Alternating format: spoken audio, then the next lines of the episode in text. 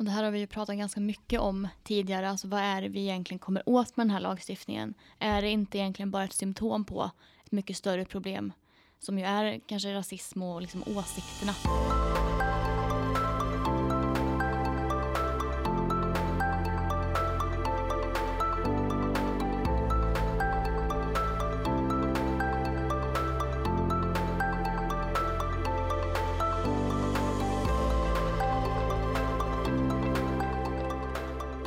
Hej och välkommen till Agera-podden.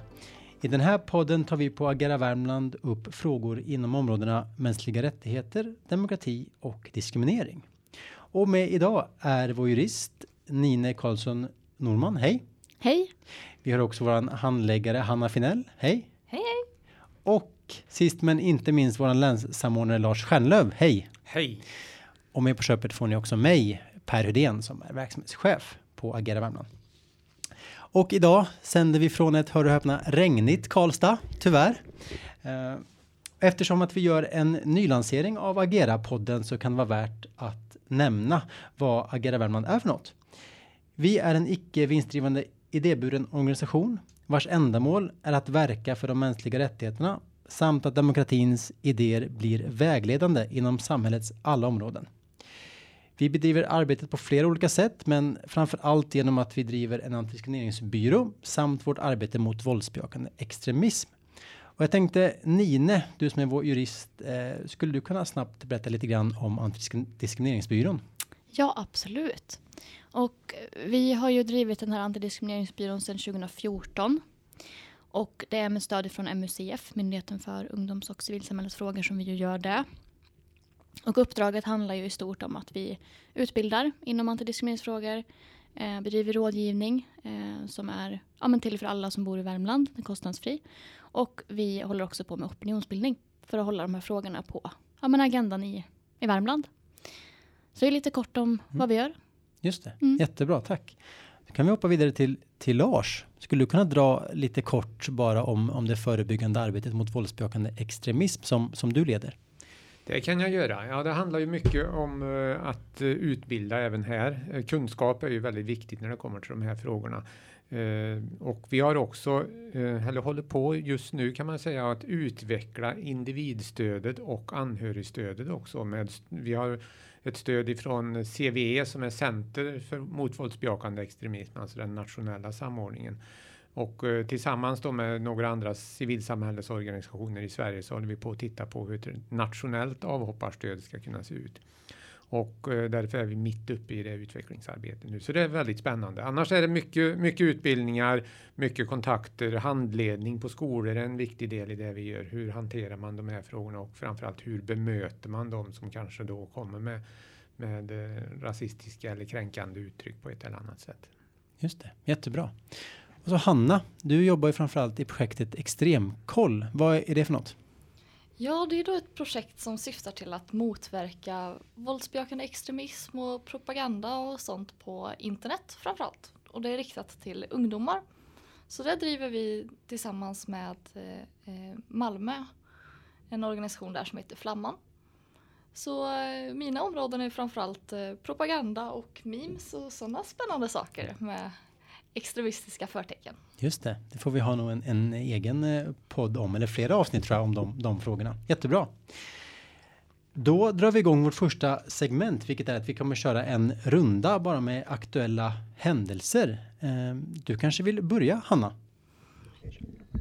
Ja, eh, ja min eh, lilla tanke här som jag tog med, det handlar om eh, något jag suttit med och grejat med förra veckan.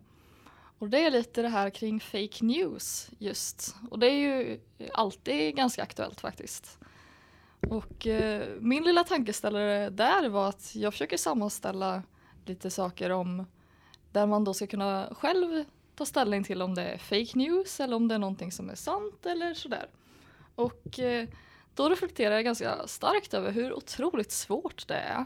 Alltså, för det första, det är ju inte ett jättebra ord, fake news. Det är ju kanske sällan man vill ta någonting rakt från Donald Trump så. Mm. Men det är ändå, det är ändå något vi använder sådär och ja, men, det är lite svårt eftersom det är ju sällan nyheter rakt är falska, det är bara något som inte stämmer alls. Utan det är ju mer det här att man vill motverka sånt som är missvisande eller väldigt ensidigt och så här och det är inte så himla lätt hela tiden.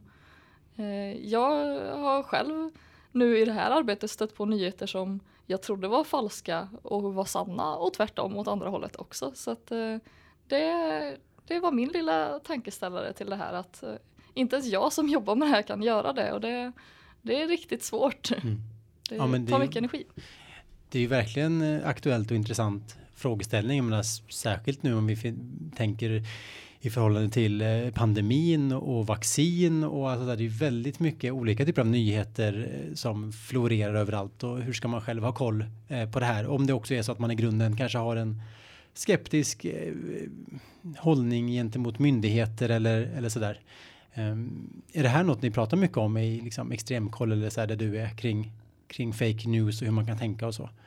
Ja, det är ju en av de sakerna vi tar upp så här och men just till, kring corona är ju jättespännande för det är ju liksom, det är väldigt svårt att säga att någonting då är fejk om det är någon som bara tar upp och säger att ja men så här skulle det kunna vara eller så, då är det ju inget som är liksom rakt falskt i det.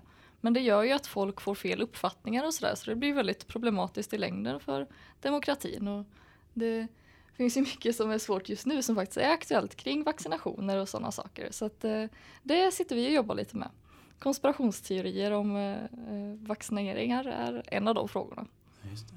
Ja, det är jättes, jättespännande. Ska vi hoppa vidare i rundan? Lars, vill du eh, komma in med någon aktuell händelse eller reflektion eller så? Ja, det kan jag väl göra och när det gäller aktuella händelser så är det väl svårt att komma ikring den stora medieuppståndelsen som kom i slutet på förra veckan kring eh, den här tandläkaren som nu visat sig vara aktiv inom Nordiska motståndsrörelsen. Mm. Eh, det här var väl ett, eh, inte ett ämne som var helt okänt för oss, men eh, det var ju inte så att vi heller hade en, valt att gå ut i media på det här sättet kring, för det, det, är inte alltid som det gynnar verksamheten. Men nu får vi mm, handla ifrån det läget vi är och vi måste ju också försöka bidra på ett, på ett så bra sätt som möjligt kring de här frågorna. Och det här lyfter ju upp en problematik som är väldigt svår när vi kommer till de här frågorna. Rent instinktivt, instinktivt så vill man ju naturligtvis se den här personen sparkad och eh, försvinna så långt eh, från en tandläkarpraktik som möjligt. Men sen så kommer frågor om, om arbetsrätt in. Eh, har personen i fråga misskött sitt jobb? Finns det något no, no klagomål där man faktiskt kan peka på att personens åsikter Eh, eh, påverkat hans yrkesutövning eller hennes yrkesutövning? Nej, det gör det ju inte i det här fallet. Så det här är komplicerat och det är en svår juridisk eh, process. Så att eh, den initiala tanken och den faktiska verkligheten, det är ju två olika saker i det, i det här. Men eh, vi får ju hoppas att det ändå går att komma fram till en, en, en bra och hållbar lösning. För det här blir ju naturligtvis väldigt påfrestande för patienter som kanske funderar på vem, vem det är man hamnar hos som tandläkare och inte minst för, för den här personens kollegor också. Eh, samarbetsklimatet, hur, hur blir det med det? Så att det, det, är en fråga som verkligen har många olika bottnar och så att eh, eh det gäller att skynda långsamt i ett sånt här fall och mm. så att eh, det blir så rätt som möjligt. Just det. Ja, det är verkligen ett, ett intressant ärende om inte annat. Just med tanke på det du säger att du har, vi har den fria eh, åsiktsbildningen som är jätteviktig, som är mm. grundlagsstadgad och sen men samtidigt då så, så har du eh, en arbetsgivare som står för en viss värdegrund och det finns patientsäkerhet och, det, och liksom så där, där bemötande är också en stor del. Eh, så att visst är det många olika perspektiv som möts här och krockar. Ja, verkligen. Och ju mer man liksom grottar ner sig i det här ärendet så blir det ju än mer komplicerat.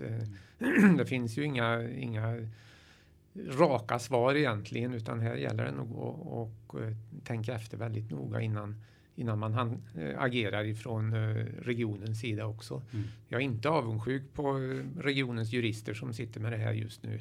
Mm. Utan, men vi får hoppas att det blir en bra lösning just för patientsäkerhet, för kollegornas väl och ve och också för den här personen. Att mm. det kanske blir en möjlighet att komma ur det här.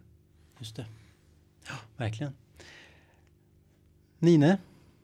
Ja, jag skulle gärna vilja dela med mig av våran fredagsutbildning som vi höll förra veckan. Det var ju faktiskt den första fysiska, lite större utbildningen som vi har gjort sedan pandemin. Och, eh, så det var jätteroligt att få vara på plats och prata som vanligt igen. Och det här var ju en grupp av fackligt förtroendevalda från hela Värmland. Så vi var ganska många, vi var 70 personer ungefär. Uh, och ja, en väldigt pratsam grupp och en väldigt viktig målgrupp för oss mm. att få prata med. Uh, så det var väldigt roligt. Och uh, ja, som sagt viktigt att vi får nå ut till de här liksom, nyckelpersonerna som ändå blir en länk liksom, mellan arbetsgivaren och, och ja, medlemmarna och medarbetarna ute på arbetsplatsen. Ja, så vi pratade ju att förebygga diskriminering eh, och lite så grundläggande kring vad det är och vad arbetsgivaren behöver göra och ja, men vad man kan göra som facklig i, mm, ja, i arbetslivet i de här frågorna. Så att, ja, jättekul. Just det, ja verkligen. Visst var det Vårdförbundet? Ja, som precis. Du höll utbildningen för? Ja, mm. ja men det stämmer. Mm. Så ja, väldigt viktig målgrupp. Mm. Ja, men kul. Mm. Och jag har också en liten sån eh, aktuell händelse eh, också på diskrimineringsområdet eh, då. Och det var att det kom en nyhet där eh, förra veckan. Det är andra gången nu vi tar upp eh, corona här i, i, dagens avsnitt. Men då var det en, en person som heter Jimmy som då hade praktik på ett eh, motorföretag och eh, han har också MS den här personen och ehm, skulle ta sin första vaccindos av eh, covid-vaccinet då. Men fick då veta av sin chef, eh, eller chefen på det här företaget då, att om han skulle ta sprutan så skulle han inte kunna jobba kvar. Och eh, det står i artikeln här då att, att, att, Jimmy blev väldigt chockad, men eftersom han då finner sig i riskgrupp, eftersom han är, är, har MS, så valde han att ta vaccinet ändå. Eh, och tänkte att det var ingen som skulle kunna liksom hända av det. Eh, men han fick inte fortsätta sin praktik. Det var väldigt tydligt från, från det här eh, företaget att eh, tar man vaccinet så, så kan man inte eh, vara där helt enkelt. Och det här har då eh, Jimmys fackförbund Unionen plockat upp och nu valt att, att eh, stämma det här eh, företaget för diskriminering. Och det tyckte jag var väldigt ja, intressant ärende också och viktigt att unionen går in här och, och, och visar att det här också kan, kan ses som, som diskriminering. Och det är och anledningen till att jag hajat till när jag såg den här nyheten. Det är ju det är snarare varit tvärtom eller hur diskussionen är nu. Det är ju att kan arbetsgivare tvinga sina medarbetare att ta vaccin? Eh, framförallt kanske i vården och sådär. Eh, kan vi göra det utifrån andra andra lagar och regler och så där? Men här är det ju tvärtom då att det finns en person som som eh, leder det här företaget som uppenbarligen är är emot den här vaccinationen och då att det spelar ut på, på de anställda. I det här fallet en praktikant, men som också omfattas av diskrimineringslagen. Så det här blir ju intressant att, att följa när det väl eh, går upp i, i domstol då. Eh, så. Jag vet inte om ni andra har någon, har någon tanke kring det här fallet. Så. Verkligen intressant, både ur ett diskrimineringsperspektiv men också utifrån det jag precis snackade om. att så här, ja, men För det första så, ja, men, anledningen att man kan sparka någon för att de väljer att ta ett vaccin måste ju bygga på väldigt speciella idéer som, eh, som man kan känna igen. Det är ju flera av de här konspirationsteorierna som inte är nya och enbart för coronavaccinet utan som har gällt för ganska många vaccin över tid. Så. Men det har ju verkligen fått en stor skjuts nu när det har varit så många, alltså, när det nästan är ett tvång att ta vaccinet så att det är liksom mm. väldigt, då blir det liksom en motrörelse i samhället samtidigt som reagerar på det här. Men också för rubriken i den där artikeln Eh, är ju lite precis det jag pratade om. Det står MS-sjuke Jimmy tog coronavaccin, fick sparken. Mm. Det låter ju som fake news. Det är ju ja. clickbait liksom. Sen går ju aldrig att veta eh, vad som stämmer och inte stämmer. Nej, precis. Det är så mycket i det här ärendet som är intressant och, och, speciellt. Alltså dels som du säger Hanna, vad som ligger till grund för arbetsgivarens liksom, ställningstagande här. Eh, men också utifrån funktionsnedsättning och vad det får för, för konsekvenser och eh, ja, men liksom arbetsmiljöfrågan i stort. Mm. Eh, så kan vi tvinga anställda att ta vaccin? Kan vi tvinga dem eller kan vi liksom förbjuda dem att inte göra det? Eh, mm. där svaret troligen är nej. Men ja, konstigt och intressant fall. Verkligen. Och vad liksom arbetsgivaren har med att göra och inte har med att göra. Och liksom mm. när det är berättigat utifrån den verksamhet man bedriver eh, och när det inte är det. det, är ju, det man kommer ju lite grann in på, på liksom de bitarna med Eh, tandläkaren här Lars, eh, som, som, som, du tog upp, även om det är helt olika liksom, sakfrågor i det här fallet så är det just det här kring relationen arbetsgivare, medarbetare, eh, alltså rättigheter eh, som alla människor har och så vidare. Alltså det kan bli krockar här som, som är intressanta att, att, att följa och ta upp utifrån också våran verksamhet. Så.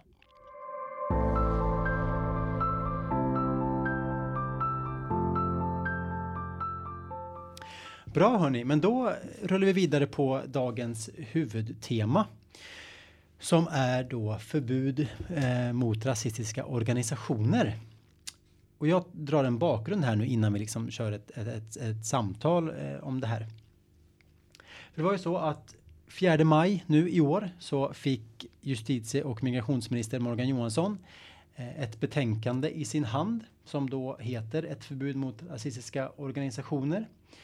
Eh, och bakgrunden till det här att eh, det här betänkandet eller utredningen har, har tagits fram är ju framförallt då att Sverige har fått kritik från FN eh, hur vi hanterar den organiserade rasismen så utifrån vår lagstiftning och hur både vi använder våra våran befintliga lagstiftning men också bristen på förbud då mot rasistiska organisationer.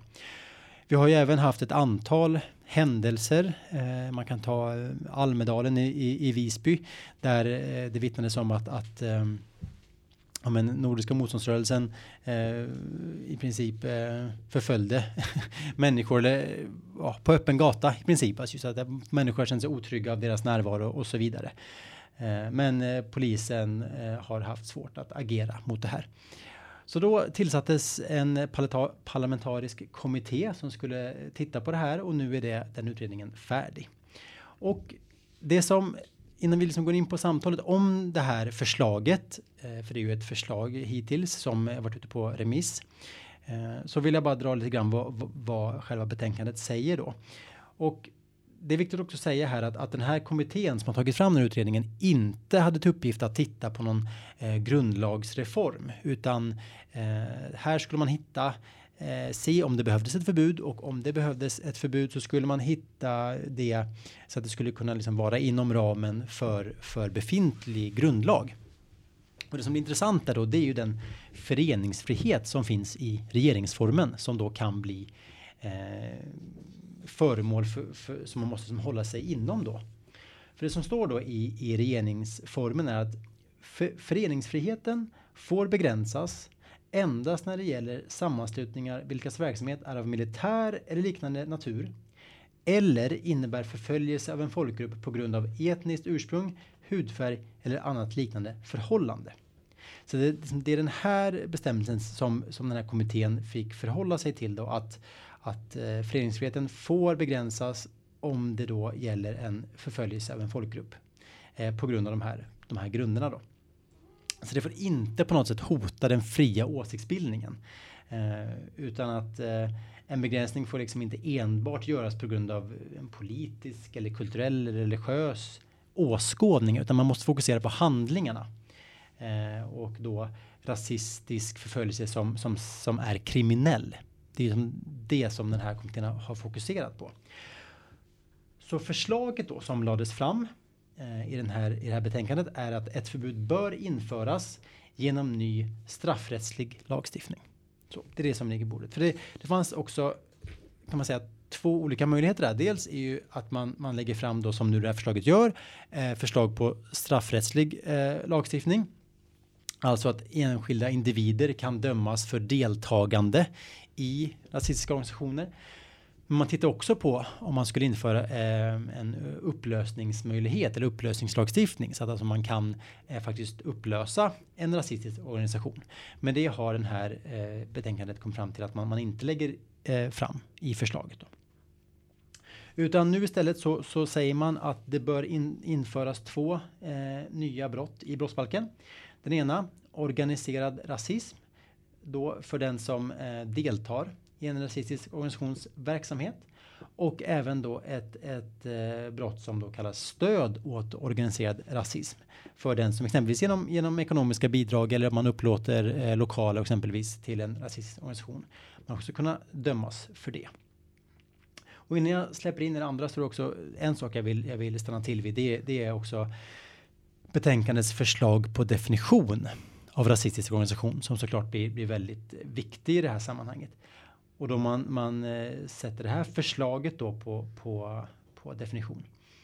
Med en rasistisk organisation avses i denna paragraf en sammanslutning av personer som genom brottslighet förföljer en folkgrupp på grund av etniskt ursprung, hudfärg eller ras. Det är en väldigt stark koppling till eh, paragrafen i regeringsformen som jag precis läste upp. Då. Eh, så. Och de här ändringarna föreslås träda i kraft 1 juli 2022. Ehm, men som sagt, man föreslår ingen upplösningslagstiftning och det är framförallt för att kommittén inte har kommit överens i den frågan. Ehm, men man tror väl att, att, att införa det här, eh, de här två nya brotten kommer ändå komma åt den här typen av problematik. Då. Det är så man, man resonerar. Och vi har ju varit en remissinstans som har svarat på den här, eh, det här betänkandet. Och jag tänkte faktiskt gå över då till dig Nine lite grann. Du var ju ansvarig för att, att skicka in det här och skriva det här remissvaret från våran sida. Mm. Eh, vad, vad kom vi fram till i, i vårt remissvar?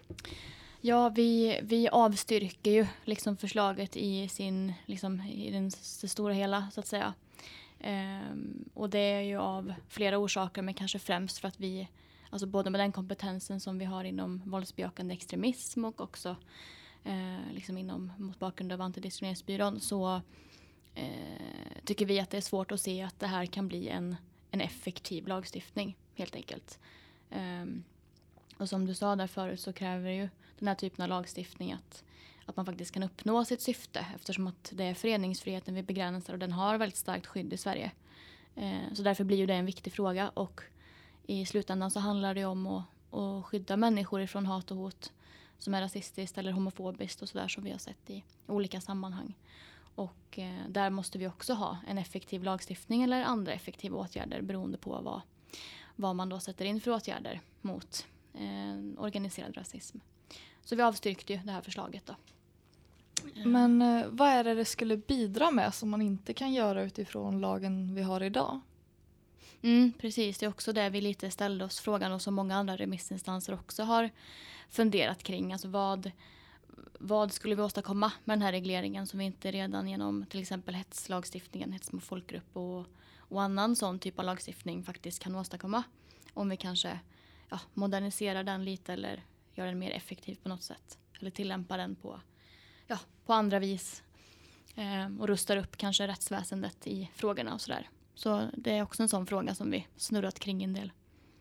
Mm. Det finns ju dessutom en risk att en svag lagstiftning blir kontraproduktiv. Att, eh, eh, låt säga då att eh, man har ju egentligen siktet lite grann inställt på Nordiska motståndsrörelsen i det här och Eh, om då NMR skulle bli frikänd i ett par, tre eh, initiala fall, då kan det istället stärka det, den organisationen och visa att ja, men vi, vi har rätt i det vi gör.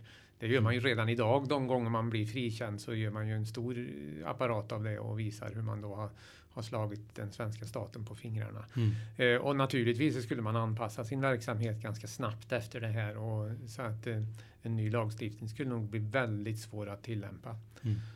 Och för varje ny lag så blir det också ett hål vid sidan av där man då kan hitta verksamhet som inte den här lagen reglerar. I och med att eh, förslaget i utredningen är så väldigt specifikt, väldigt smalt, så är utrymmet på sidan om ganska stort. Mm. Så att precis som Nine säger att modernisera hets mot folkgrupp och kanske framförallt en lagen om kårverksamhet som ju faktiskt finns där man då kan eh, reglera en organisation som har en militär framtoning eller bär mm. uniform till exempel vid sina demonstrationer. Då, då tror jag att vi skulle kunna komma åt det här problemet på ett annat sätt. Mm. Eller hur? För det gör de redan idag va? Alltså bär, bär ja, eh, man, det är ju det man säger själv att eh, vi är uniformerade när man har sin eh, vita skjorta och grön slips till exempel. Eh, så att man kallar det själv för, för en uniform. Mm. Så att det skulle funka. Sen är det ju alltså, det är det förebyggande arbetet som, som är det viktiga tycker jag i det mm. här mm. För att komma vidare i det här. Skapar vi för många lagar som ska reglera då kanske det också tar, minskar på det förebyggande arbetet för att förlitar man sig på att det finns en lag som reglerar det här. Och då blir vi väldigt reaktiva i vårt sätt att jobba. Mm. Och det här har vi ju pratat ganska mycket om tidigare. Alltså vad är det vi egentligen kommer åt med den här lagstiftningen? Är det inte egentligen bara ett symptom på ett mycket större problem som ju är kanske rasism och liksom åsikterna. De kommer vi ju aldrig komma åt. Eh, och framförallt inte med lagstiftning i så fall. Kanske då genom andra förebyggande insatser men, men hur långt kan man verkligen komma med lagstiftning när det rör det här mm. som ju är jättekomplicerat eh, i grunden. Precis, nej och, och, och det är en jätteintressant principiell fråga för att mina åsikterna vill vi, säger, man ska ju kunna få ha vilken åsikt liksom man vill, så är det ju. Men eh, sen är ju frågan om, om man, vilken liksom rätt man ska ha då att på öppen gata eh, proklamera den som också när det då kan utgöra hets mot folkgrupp eh, eller liksom ren förföljelse.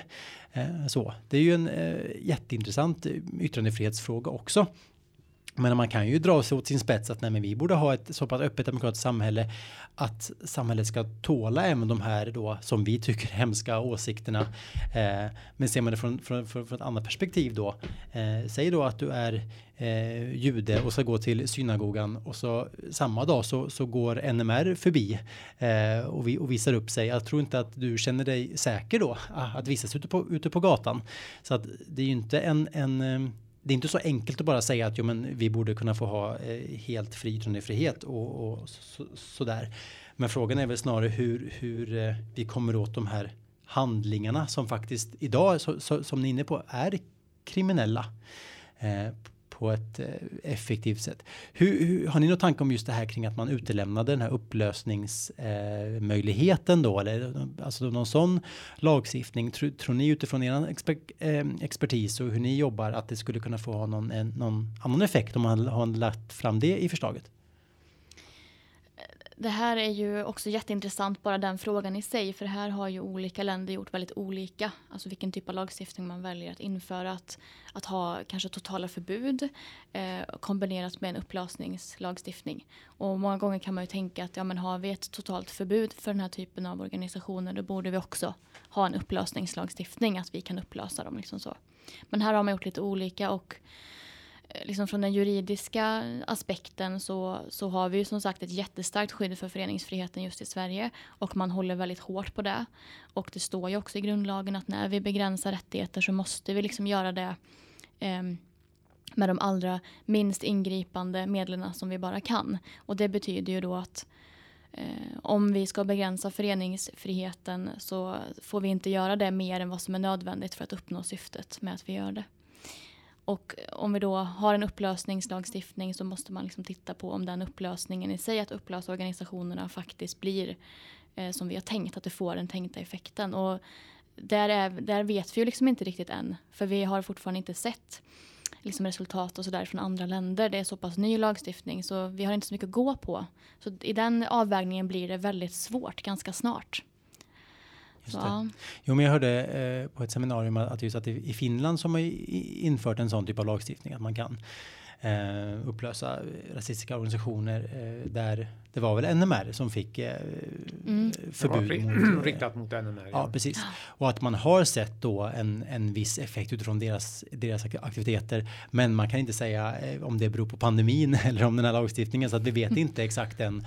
Och det är väl också, tänker jag, troligt att man finns kvar i någon i miljön men att, att man, man organiserar sig på ett annat sätt. Jag vet inte om om, om, eh, liksom om vi tar in nätet och, och den digitala miljön här. Hur, hur, vad tror vi där liksom?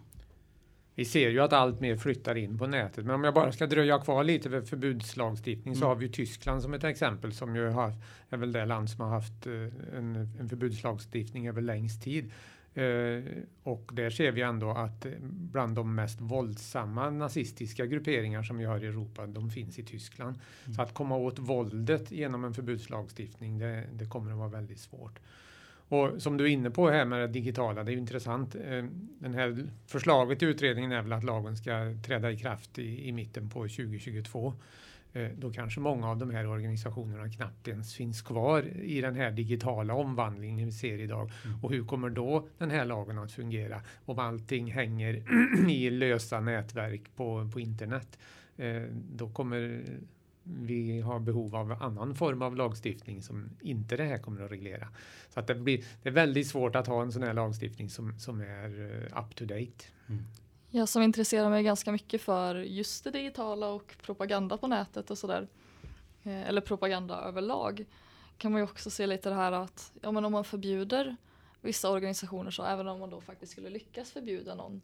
Det stärker ju hela den här tanken om att samhället är emot oss och de här åsikterna vi har eh, klankar myndigheterna ner på, censurerar oss och begränsar våra friheter och så här. Och det är ju kanske lite onödigt för många av de här idéerna, alltså om vi ska vara helt ärliga, det är ju inte bra idéer liksom. Mm. Och som, men, som håller i en debatt eller diskussion eller så här. Och det gör det väldigt svårt att komma åt dem för om man bara censurerar och säger att det här eh, i princip säger att det här får ni inte tycka så slutar ju inte folk tycka så bara för att man säger att de inte ska göra det. Liksom.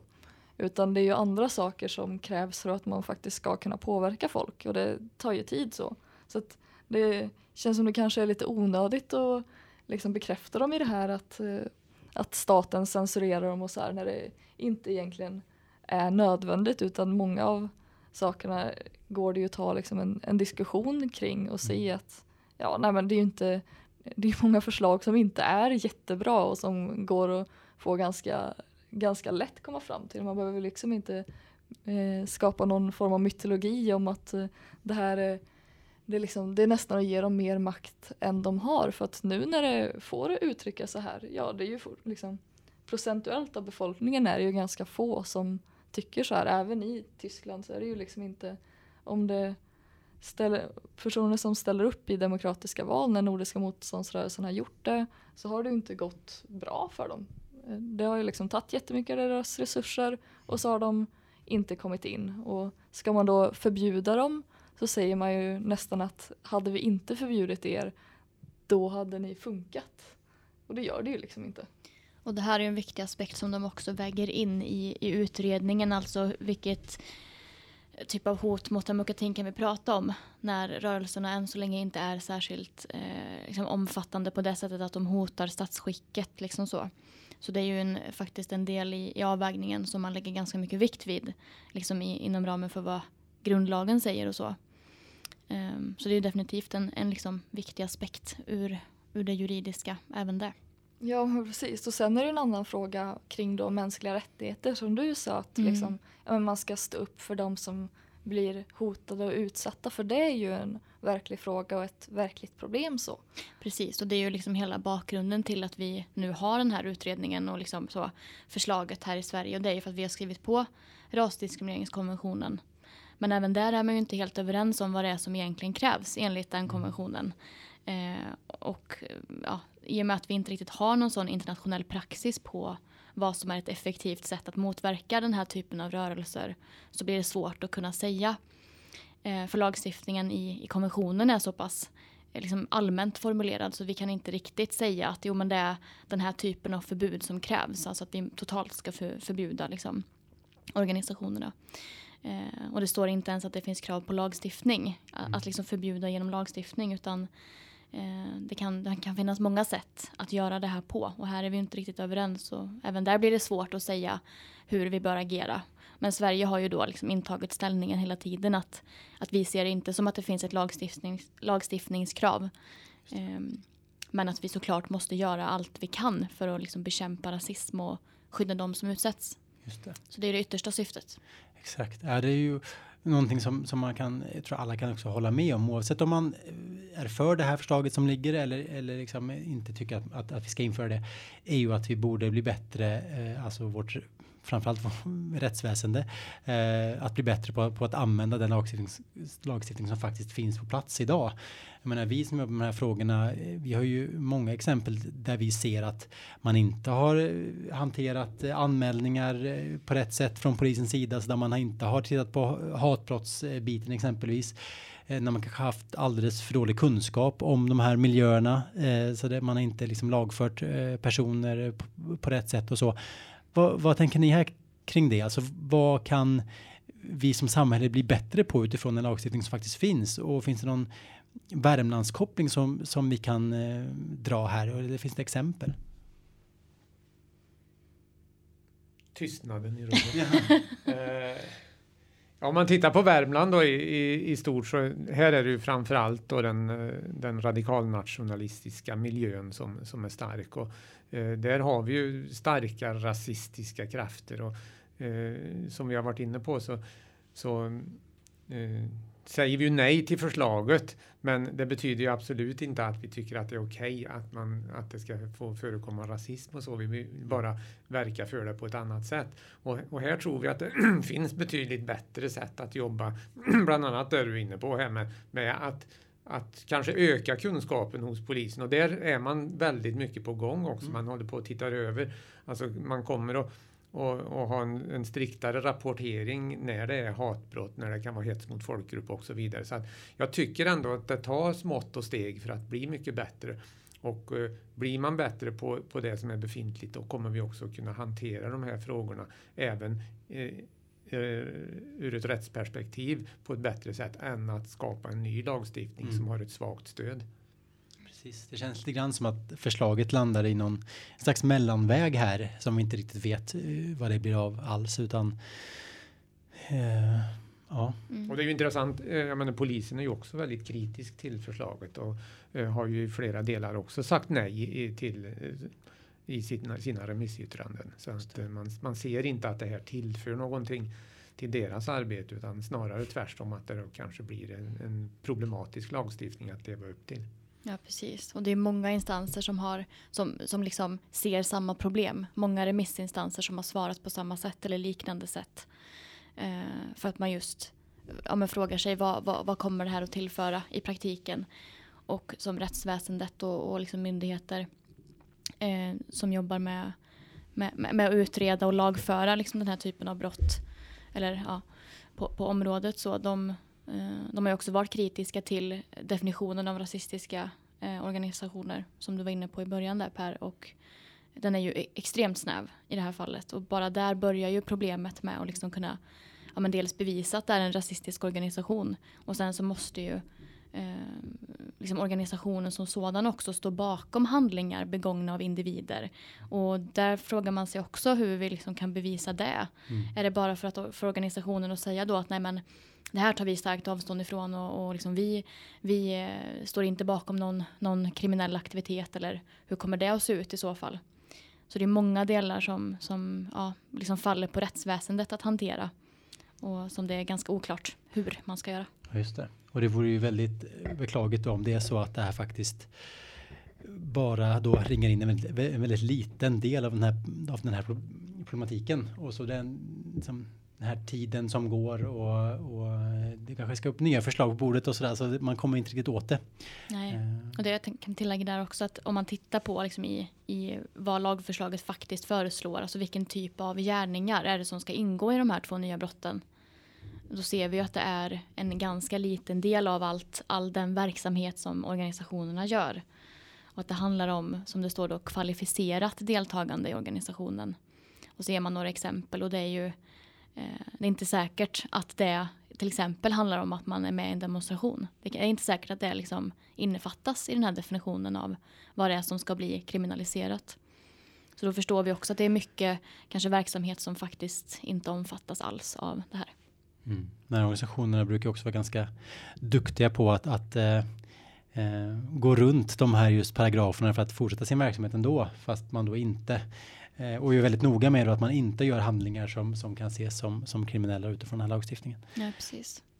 En annan eh, åsikt som också kommit fram, eh, både liksom i, när man har sett i den här kommittén, men också som, som synpunkt på förslaget, är ju det här att en del tycker istället att man ska satsa på en, på en grundlagsreform så att man faktiskt kommer åt också en, en bredare problematik gällande liksom flera former av, av våldsbejakande extremism. Alltså här så går man ju explicit just mot eh, rasistiska organisationer. Eh, men det har också kommit just eh, tankar om att man, man skulle ta ett större grepp på det här genom en, en, en grundlagsändring.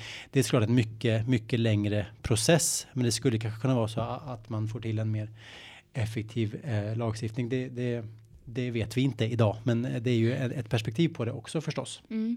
Mm, absolut.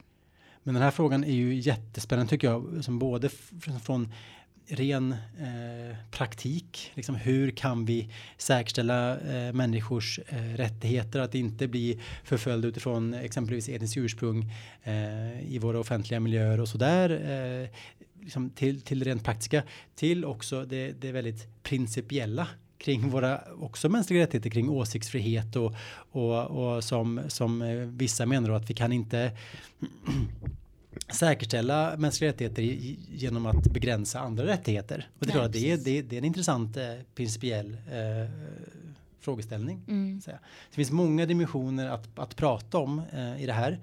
Eh, men jag tänker att, att vi får sätta punkt för just nu. Vi har ju så mycket kvar att säga. det, det, får bli en del två. Ja. Nej, men det blir jätteintressant att se vad, vad, när, vad remissinstanserna säger och eh, hur, hur det går vidare. Så vi kommer säkert följa upp det här. Eh, och det är, som vi varit inne på, även alltså väldigt relevant för oss här i Värmland eftersom att eh, alltså, den här typen av utmaningar är ganska stora här och, och verkliga. Så att säga. Ni får helt enkelt uh, boka föreläsning med oss om ni vill höra oss babbla mer. Exakt, ja. precis. snygg, snygg avslut, avslutning där Hanna. Men hörni, då tackar jag för dagens samtal och tack till dig som har lyssnat. Kolla in Agera Värmland på sociala medier. Vi finns på Facebook, Twitter och Instagram. Du hittar även mycket information på ageravarmland.se. Hej då! Hej då! Hej!